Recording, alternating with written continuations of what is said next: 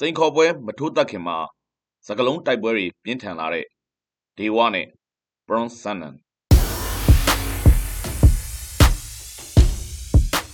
မြမလက်ဝိတ်အလွတ်တန်းချန်ပီယံဟောင်းဒေးလက်ဖတက်ခေါ်ဒေဝဟာလာမယ့်သတင်းပတ်တစ်ပတ်ကျော်ကာလမှာသူ့ရဲ့ professional ကစားသမားဘဝဖြတ်သန်းမှုရဲ့နောက်ဆုံးပွဲစဉ်အဖြစ်ထိုးသက်တော်မှာပါဒီပွဲစဉ်ကိုအရှိတောင်အာရှသမိုင်းရဲ့အကြီးကျယ်ဆုံးပွဲစဉ်ဖြစ်လာလိမ့်မယ်လို့တော့ဒေဝကတင်စားရည်ညွှန်းထားတာပါ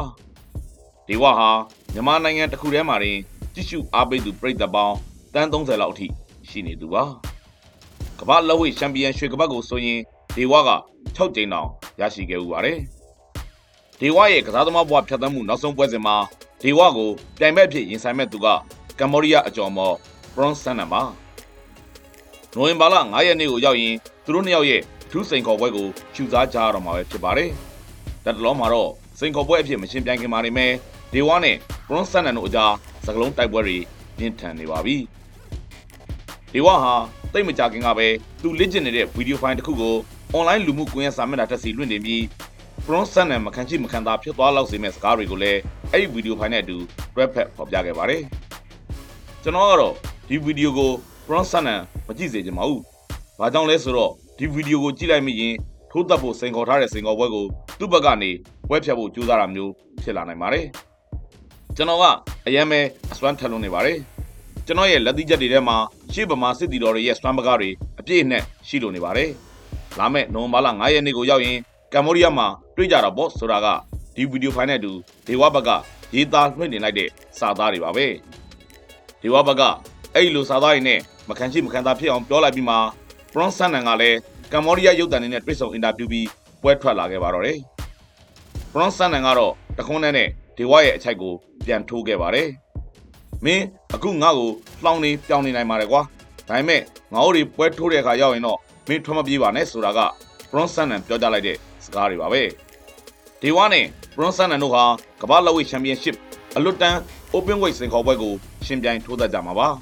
။ဒီပွဲဟာနှစ်ထောင်ပေါင်းများစွာသောကမ္ဘောဒီးယားနိုင်ငံသမိုင်းကြောင်းနဲ့အကြီးကျယ်ဆုံးပွဲစဉ်ကျင်းသေးဖြစ်လာလိမ့်မယ်လို့ဒေဝဘက်ကအသိပေးထားရည်လည်းရှိနေပါတယ်။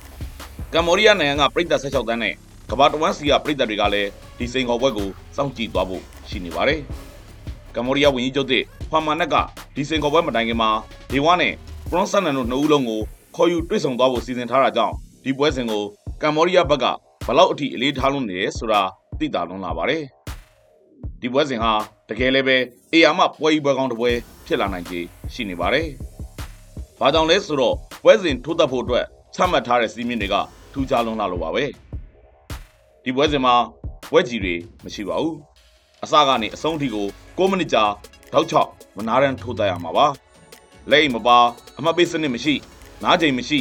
အနှိမ့်မခံစတဲ့သတ်မှတ်ချက်တွေနဲ့ဒီစိန်ခေါ်ပွဲစဉ်ကိုကျင်းပသွားမှာဖြစ်ပါတယ်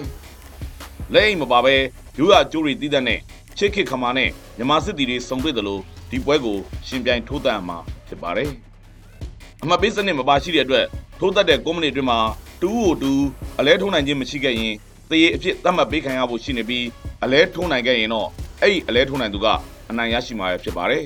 ။ဒီဝါကတော့သူ့ရဲ့လက်ကျင်ရေးလက်ဝိတ်အိတ်တွေမှာတော့ဘရွန်ဆန်နိုင်ရဲ့ရုပ်ပုံကိုကတ်ထားပြီးပွာလန်ကျဲတဲ့ထိထိုးသက်ပြကပြိုင်ပွဲအတွက်စိတ်တပိုင်းဆိုင်ရာယုံကြည်မှုရရှိဖို့ပြင်ဆင်လို့နေပါတယ်။နိုမာလာ9ရက်နေ့မှာထိုးသက်မဲ့စင်ကောပွဲစဉ်မတိုင်ခင်မှာပဲစိတ်တရရစကလုံးတိုက်ပွဲဆင်နွှဲမှုတွေကအရန်ကိုပြင်းထန်လာတဲ့အတွက် ဒေဝနဲ့ဘရွန်ဆန်နန်တို့ရဲ့စင်ခေါ်ပွဲစဉ်ဟာအရန်ကိုစိတ်လှုပ်ရှားစရာကောင်းနေပြီဖြစ်ကြောင်း Royal Watch ပြည်သက်တွေသိရှိနိုင်အောင်တင်ဆက်ဖော်ပြပေးလိုက်ပါတယ်ခင်ဗျာ။